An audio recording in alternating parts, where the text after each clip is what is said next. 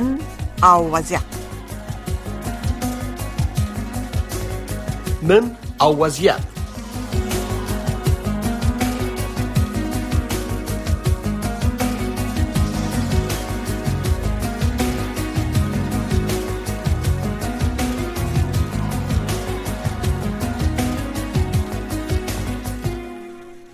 شنوندگان عزیز سلام. شب همه شما بخیر. حفیظ آصفی هستم و خوشحال هستم با تقدیم برنامه روایت امروز با شما هستم. در برنامه های که عموما روایت امروز پخش می‌کنیم در رابطه به هنر افغانستان صحبت می‌کنیم. در بحث امشب ما جناب آقای حامد نوید استاد پیشین پانتون کابل نویسنده شاعر و پژوهشگر هنر با خود داریم که در رابطه با کتابشان هنر افغانستان در عرصه تاریخ صحبت می‌کنند جناب آقای نوید سلام به شما. بسیار زیاد خوش آمدین. تشکر که دعوتم را پذیرفتین. صدای مرا میشنوین بله سلام آقای عزیز. سلام به شما. و تمام شنونده های نهایت عزیز و محترمتان. تشکر از حضور شما در برنامه استاد نوید. رقم قبلا هم صحبت های داشتیم و شما تشریف آوردین اینجا در کتاب خود کتابتان معرفی کردین هنر افغانستان در عرصه تاریخ. و گمانم این کتاب اولتان در سالهای 2013 چاپ شد. درست است؟ بله ما اردو کتاب من به سال 2013 چار چاپ شد به زبان انگلیسی هر دویشان. بله. یک هنر افغانستان پیش از اسلام بود. بله. و دومش از دورای اسلامی از آغاز قرن هفتم یعنی از نیم قرن هفتم میلادی تا به بله. امروز. تا به امروز. این ای کتاب دوم شماست. بله دو, دو جلد که به انگلیسی چاپ شده و دریش در سال 2017 تمام شد. آره چاپ دوم دریش بله. ما هم- درست نمیرم می‌خواستم صحبت کنم. کتاب اولی که به زبان دری چاپ شد ام، او را ما هم چانس زیر داشتم که نزدیک ببینم. و از بله. دوم کتاب دوم که ما که زمانی که شما را دیدم هنوز چاپ نشد. کار روش جریان داشت. فعلا آماده شده؟ روان است. شاید یک, سه چهار ماه دیگه بگیره که تمام شود بله. این این بود به دورای اسلامی. بله. از, از وقتی که اسلام در سرزمین ما در نیمه دوم قرن هفتم میلادی وارد میشه وارد سرزمین و مردم ما به دین اسلام مشرف میشن تا به امروز است و تحولاتی دوره بسیار بسیار جالب است. بله. و بسیار uh, um, طولانی است بله استاد به اجازه شما قبل از اینکه در رابطه با کتاب دوم صحبت کنیم برای اون محترم شنوندای و که چانس از را نیافتن کتاب اول شما را داشته باشن و یا خوانده باشن اگر لطف کنین به طور خلاصه بگین که این کتاب از کدام زمان شروع شروع شده که شما تحت در بحث خود داخل کردین؟ تا کدام زمان و بیشتر روی کدام نکات متمرکز بوده اصلا منظور نوشتن از این کتابی است که ما همین مدنیتی که در می خطه ما بوده به خصوص همین ساحه جغرافیایی کشور ما چه دوره های تمدنی را گذشتانده. بله. و چقدر ای, ای از خود ممیزات داشته که با وجود ارتباط با فرهنگ های کشورهای همجوار چقدر خصوصیات هنری خود داشته و خصوصیات تمدنی خیش داشته او از سوال شما را جواب بدیم از ای از دوره حجر یا عصر سنگ شروع شدن و تا به دوره کشف فلزات و آغاز تمدن های شهری و بعد از او ظهور مدنیت های شهری در باختر و عرکوزیه و پسانتر ورود اسکندر مقتونی اه، به خاک ما و آوردن فرهنگ هلنستیک یونان در سرزمین ما. بله. و مخلوط شدن از او با تمدن شکوهمند باختر است. و پس از او تا دوره کوشانی ها ما می‌بینیم که مدنیت به چه اوج می‌رسه.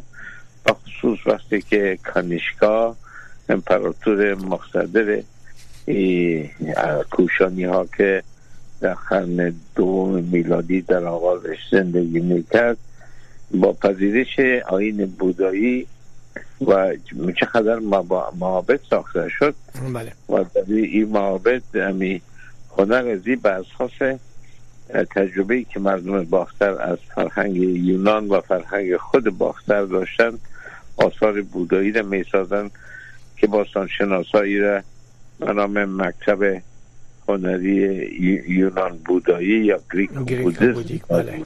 بله. و بعد از او ما اما, اما در حقیقت این دوره به نام هنر گندهارا هم یاد میشه بله. که گندهارای باستان از از برای مردم پنجاب وقتی مردم یا از گندهارا می‌گفتن. یعنی آنچه از دریای اتک با طرف شمال قرار داره غربی ها مردم هند و مردم پنجاب این به نام گندهار رو یاد می‌کردن. بله. برگرفته شده از نام قدیم کندهار است. و این شامل مکتب هنری کابل گندهار است که تا میره تا به خیبر بله. اما چیزی که بسیار مهم است و این کس تا حال درک نکرده و به خصوص سکالر سکالرهای غربی دانشمندان غربی خاورشناسان اینا این متوجه نشدن که امی تمدنی که در سرزمین ما رشد کرده و از خود ممیزات داشته این تمدن در دو طرف کوسالان هندوکش و کوه بابا با وجود آمده بله. این حوزه فرهنگی اندیک است یا هندوکش بله. و و پاراپامیزا که می بخشای کوهای بابا رو در بر می گرفت این متفاوت از فرهنگ حوزه سند متفاوت از آسیای مرکزی ماورا نهر بله. و متفاوت از حوزه فرهنگی بین النهرین و ایلام باستان که پارس قدیم. بله. و, این مشخصه ها در آستار باستانی هم است در در اناتومی مجسمه هایی که از وقت مانده و در آثار دیگه.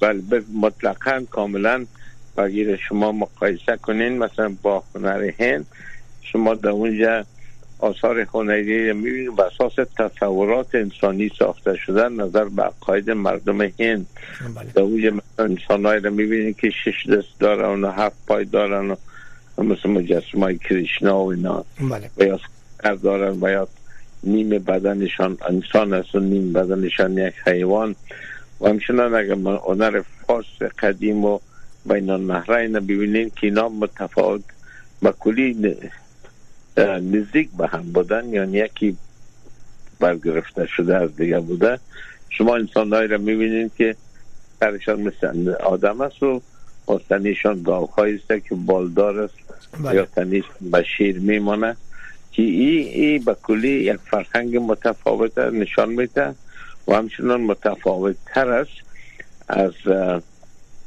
آثار هنری مثل باستان و از زومورفیزمی که در پدیده های هنری یونان قدیم بود بله. در یونان قدیم هم شما زومورفیزم داشتین زومورفیزمی است که وقتی که عنصر انسانی با حیوان یک جای میشه خوب از ما در ادبیات ما هست اما در این نبوده بله. ما نیست بله. یعنی شما یک انسان هم مثل یک با, با توسط یک حیوان تعریف می‌کنین که مثل سنتورا هست که نیم بدنشان انسان است و نیم بدنشان مثل مثل اسب یا مثل بله. بله. بزها هست. و ما در ادبیات خود داریم. میگه نیادم شیردل است. بله. یا یعنی این امو یک حیوانه امرای انسان خاصیت یک جای می‌کنیم. بله بله بله. استاد پیش از که پیش برین آیا در امی حوزه که شما در جنوب فرمودن حوزه گریکو بودیک با آثار که گفتن بسیار مشخص های خاص داره که نه در او طرف هندوکش است و نه در ایران و نه در آسیای میانه. آیا هنر گریکو بودی گریکو باختر هم چنین یک ممیزه داره که در بیشتر در شمال افغانستان بوده؟ آیا درست است که چنین چیزی را نام ببریم گریکو باختر؟ بله بله مطلقا. اصلا فرهنگ گندهارا ای زاده فرهنگ باختر باستان است بله. اگر پدیده های هنری و مجسمه که از برخ کش شده و بازش در افغانستان نیست متاسفانه در موزیم یومی پاریس است شما ببینید عین امو مجسمه ها که در بلخ ایجاد شده در زیر فرهنگی باختری و پسانتر معابد بودایام در بخش بسیار زیاد شد. شما یک شباهت مطلق هم ما بین آثار شمال و جنوب هندوکش.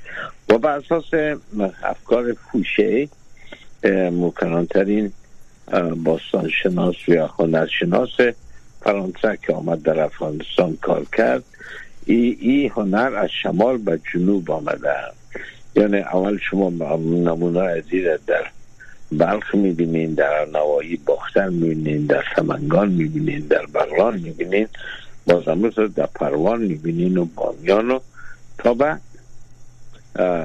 حوزه حده و جلال آباد. و مثل به طرفش غرب که بریم شما سال در غزنه می‌بینین در غور می‌بینین. و این مثل مثل یک امی معابد بودایی که در افغانستان ساخته شده کلش در سر شارهای تجارتی ساخته شده بود که او به خاطر دو دلیل بود. یکی که یک جای اتراق برای کسایی که و عبادت و برای مسافرین بود و دیگر زوارد و جلب می‌کرد که از راه ها بیاین و می‌خواد خود بامیان اما نقطه مرکزی از تمدن بود. بله. از تمام راه ها از بامیان بله. بله. و راه ابریشم که در شمال بود که قسما ذکر شده بود که او هم از, از زمین مسیر آیا عبور می‌کرد؟ بله بله. خب مثلا شما می آمد از, از, از طرف چین می آمد به طرف به توابی بلخ می رسید از راه دری صوف و در آجر می آمد طرف کوتل شبر از کوتل شبر با بامیان و بعد از او از باز تنگی ابریشم به طرف کابل و از کابل به طرف لوگل و بعد از لوگل به طرف حده جلال را می کشید و بالاخره به هند الهی تجارتی را تامین می‌کرد بله. و همچنان باز میرایی که آمده بود ای از طرف شمال شرق می آمد از بامیان نگذشت میره به طرف یک کولنگ از یک کولنگ به چشران به باغور و شاخه های ازی بسته می‌شد. به طرف زرنج و نیمروز می‌رفت و راه می‌کشید به طرف هرات. و این مدنیت بالای دریاهای خود استوار بود. به خاطر که از دو طرف یعنی کوسارانی که آدم می‌تونه با یکی ستون فقرات فرهنگی و تمدن افغانستان است دریاها سرازیر می‌شد. بله. و این دریاها راههایی را میگوشد که باعث وصل شدن درها به هم می‌شد. بله. شما می‌فهمید که مردم از مسیر دریاها راه خود پیدا می‌کردن که از یک شهر به دیگر شهر برن دو وقتی هیچ سرم پرانی اونا نبود. همین دریا راه های باریک را به جوار دریا ایجاد می‌کردن یک طرفش کومی بود یک طرفش دریا شما که برین مثلا از در طبعه دریا آجر میره خوب می‌بینین به چشم خود. و این دیگر طریقه نبود. نمی دریا و پولیس یادهای یک شهر بله. به شهر دیگر رفتن و می‌شد و یک فرهنگ متجانس و شمال و جنوب هندوکش ایجاد کرد. بله. آغازش مثلا شما می‌بینید شهر های خانم بود که متاسفانه از بین رفت و چقدر یک مرکز تجارتی کلان بود. پاس مثلا یک معبد نوبهار بلخ در اول یک معبد آین زردشی بوده و پس باز معبد آین بودایی شده. چنانچه همی سلسله برامکه برمکی ها همونجا متکفین معبد نوبهار بلخ بودن باز امی تمدن و دورای اسلامی هم انتقال یافته البته با یک طرز دید خاص استاد ای شما لطف کردین تشریح دادین آنچه در کتاب اول هنر افغانستان در عرصه تاریخ محتوایش بود و تا, تا حدود قرن هفتم. پیش رفت بعد بله. در بعد از که کتاب دوم شما که بخیر به زودی در ریش ما چانس داشتیم که داشته باشیم از گفتن شما فرمودین که از نیمه قرن هفت شروع میشه دقیقا از کدام جای بیشتر فعلا در نیمه دوم همی برنامه هستیم این بخش دوم اختصاص بتیم. اگر موافق باشین با کتاب دوم شما بینال میریم بله. فرهنگ و تمدن اسلامی و جهان عرب بعد از شکست آخرین پادشاه ساسانی یزدگرد در جنگ نهاوند در سال 642 میلادی سعد وقاص حمله کرد. بله. و خود کرد امپراتوری ساسانی ایران.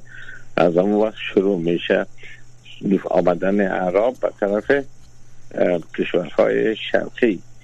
و خب یزدگرد فرار می‌کنه به طرف کرمان از به طرف میزیک های زرنج ما میه و بالاخره به مر میره و در اونجا به دست یک آسیابان و میگن به شاده ماهوی سوری که مردم ایران نونا ماهوی مرزبان میگو برزه که اینجا مرز بود بله. یعنی داشت از سرزمین فاس و این مرزها رو نگاه می‌کردی کشته میشه در وقت خلافت حضرت عثمان غنی سپاه اسلام از دو دروازه وارد افغانستان میشه که یکیش دروازه زرنج و سیستان است و دیگهش از طریق هرات.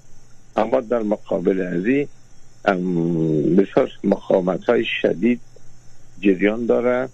تا که به پای دیوارای کابل میرسانند و چه خدر طرفات میدن. اما مردم افغانستان تقریبا یک و نیم قرن در مقابل خلفای نفوذ خلفای عموی و پسانتر در مقابل خلفای عباسی مبارزه می‌کنند. تا اینکه ابو مسلم خراسانی ظهور می‌کنند در قرن هشتم میلادی در قرن دوم هجری. و در این وقت است که باعث سقوط سلسله امویا میشه و عباسی ها بر روی کار میان ابو عباس صفا خب موقع دیتیل نمیرم. بله. اما خب ابو مسلم هم به دست برادر ابو خاندان عباسی گوشته بله. میشه. اینا اگر استاد شما تشریف بیتین که مثلا تا اون وقت که مثلا پیکرسازی و ساختن بناها و اینا سوال کردین. بله. اینا می وقت که بود تمام افغانستان در عین وقت مسلمان به دین اسلام نامد. بله. تا قرن هشتم همین معابد بودایی در غزنه وجود داشت و باز بخشای بامیان هنوز دین اسلام نرفته بود. اما تمام دین اسلام با نه تنها در افغانستان بلکه در یک گسترده وسیع که از مراکش شروع میشه و تا به کشمیر و از اون طرف دیگه و شمال شرق تا به ترکستان چین در نوایی خوتن می‌رسد طرز دید هنری را یک تفاوت کلی بخشید بله. یعنی فلسفه نوه و پرستش خدای یگانه تو و چشم تمثیل نمیشه. ماورای فکر بشر است. ما این ساختن پیکره ها را تغییر داد. دیگه مردم به پیکره ها را نمی ساختن. اما در این دوره در عوض هنر معماری بسیار رشد کرد. با هنرمند اخلاص خدا در ایجاد بهترین آثار هنری معماری بپای هنر خود ریخت. بله. نشان داد. که چقدر مساجد بسیار فوق از نگاه architecture از نگاه تزئینات ساخته شد که مسجد هشت گنبد شاید یکی از همون دوره هست فکر می‌کنید؟ مسجد نو گنبت بله. در بله در دوره سامانی ها ساخته شده اما پیش از او اولین مسجد اسلامی در شهر زرعی ساخته شد به نام مسجد آدینه معروف است با او از, از او چیز زیاده باقی نماند غیر از یک ستون پایی ازی که ویران شده. و در فقط یک, یک سکه از وقتی که برکار نویاد در قرن نوزده آمدن از او مانده باقی یا یک عکسش مانده. اما معبد نوگنبد یا مردم عادی ما مردم محل او رو به نام حج پیاده میگن. بله. او, در برخ هنوز موجود است. ای, ای میشه از روی تعدابش که نه محوطه داشت داشته و بالایش نو گنبت بودن بله. با کسا میگن که چون نو پادشاه از سلسله سامانی ها به سر اقتدار آمده به مخاطر نو گنبت داشته و شاید هر گنبتش یک شاد ساختن اما این از اساس شیر انصری که میگن نوتن بودن زعال سامان مشهور. هر یک به امارت خراسان مغرور اسماعیل و احمدی و نصر دو عبدالملک و دو منصور. اما از روی آرکیتکچر کادم ببینه از روی پلان های مهندسی می‌بینه که این نوع نو محوطه خاص در می منطقه در می ساختمان از قرار داره. به اساس از او باز رواق بندی شده. و رواق های از یک فوق زیباست از نقطه نظر برجستکاری ها و ستون پایه های از چیزی که بجای مانده بود یا باف هست بله. اصلا شبیه زیر نه در هنر مراکش می‌بینید نه در هنر مصر باستان نه در کشورهای عربی. و گلهای ازی کلگی ازی به شکل نیلوفر است. از این خاطر باز باستان شناسا فکر می‌کنن که ایده بسیار الهام گرفتن از معابد بودایی چون نیلوفر گل گل به سمبولیک بودا بوده درست؟ بودا بوده و باز کسا همی گلایی که دور خورده که شاید اما مهندسی نزی الهام گرفته باشن از هنر قدیم از اوستایی بله. حال یکی از عجایب یکی از غنایم بزرگ روزگار است که افغانستان داره در سال 1970 وقت دهه 70 وقت جمهوری اول مرحوم داود خان امر کرد که سر از یک پوش آینی گرفته شود که از بین نرم باز حال تحت پوشش یونسکو است. خب, از شمانی ها ما آثار زیاد داریم میماری باقی مانده. اما مشخص نیست یکی از یا مثلا در بادغیس است. پور بدام معبد چیز پری کالیون یا نریمان یاد می‌کنن. اما دیسر چیز یاد نشده. در حالت ویرانی قرار دارد باز از دوره غزنوی ها ما آثار بیشتر می‌بینیم از معماری که مناره های غزنیس قلعه بست است لشکرگاه است و مثلا قصر مسعود سوم از بهرام شاه. همچنان در خیرات آثار مانده. اما در دوره غزنوی ها چیزی که بسیار قابل تنجب است شما نقاشی های دیواری را می‌بینید. بله. که اساس گفتار بیقی مسعود پسر محمود غزنوی این بسیار به نقاشی علاقه داشت و این باز نقاشی های شکار و بزمها را در دیوارهای نقاشی کرده نقاشی را خواسته بود برای تزینات بله. همچنان شما پیکره ها را می‌بینید که پیکره های سنگی انسان ها دمی ساخته شدن و این با وجود که باور شدی که هنر مجسمه سازی گفتن میگن نباشد بله. اما دولت از نبی ما پیکرهایی که از لشکرگاه و ببخشین از لشکرگاه و از خود غزنه و از نقاشی هایی که در تحت سفر هرات است وجود دارد. یعنی که برمیگرده به قرن یازدهم. درست؟ بله قرن دهم یازدهم بله.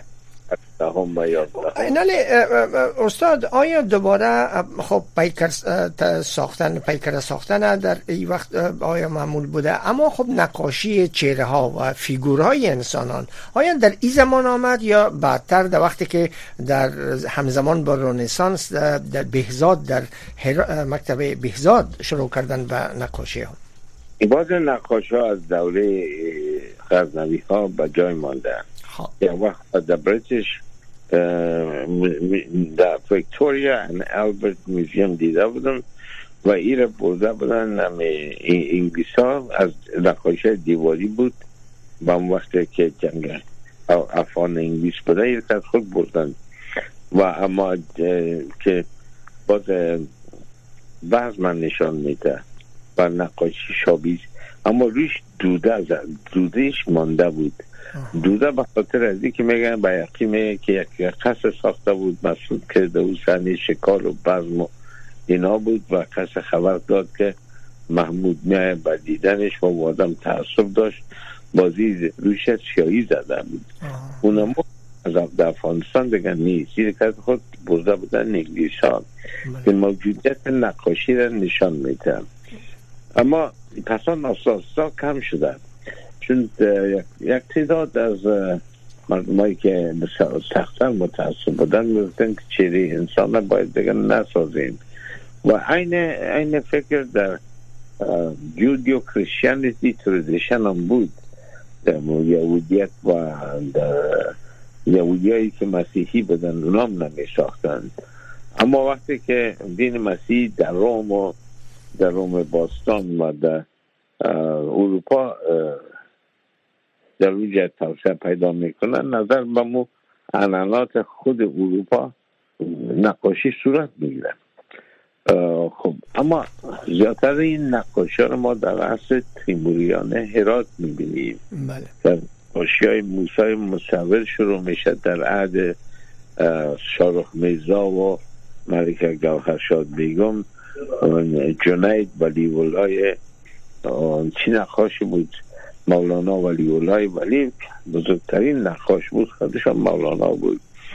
و باز میرک نقاش هست و باز شاگرد از او بیزاد است و بیزاد هروی و چقدرش شاگردای دیگه که تربیه بله. می‌کنه تشکر استاد فقط یک دقیقه مانده به ختم برنامه. من امیدوار هستم که چانس از پیدا بکنم که باز هم با شما باشیم و شما امی سلسله را دوباره دوام بتین بینایت بله. تشکر از که وقتت خود در اختیار ما قرار دادین و در رابطه با کتابتان صحبت کردین جلد دوم بخش دوم هنر افغانستان در عرصه تاریخ ما وعده می‌تونم به شنونده عزیز که حتما استاد حامد نوید باز هم زحمت میتیم تا اونا تشریف برن و در رابطه به هنر افغانستان در عرصه تاریخ از نیمی قرن هفتم تا بعد صحبت بکنن. استاد به نهایت تشکر از حضور شما.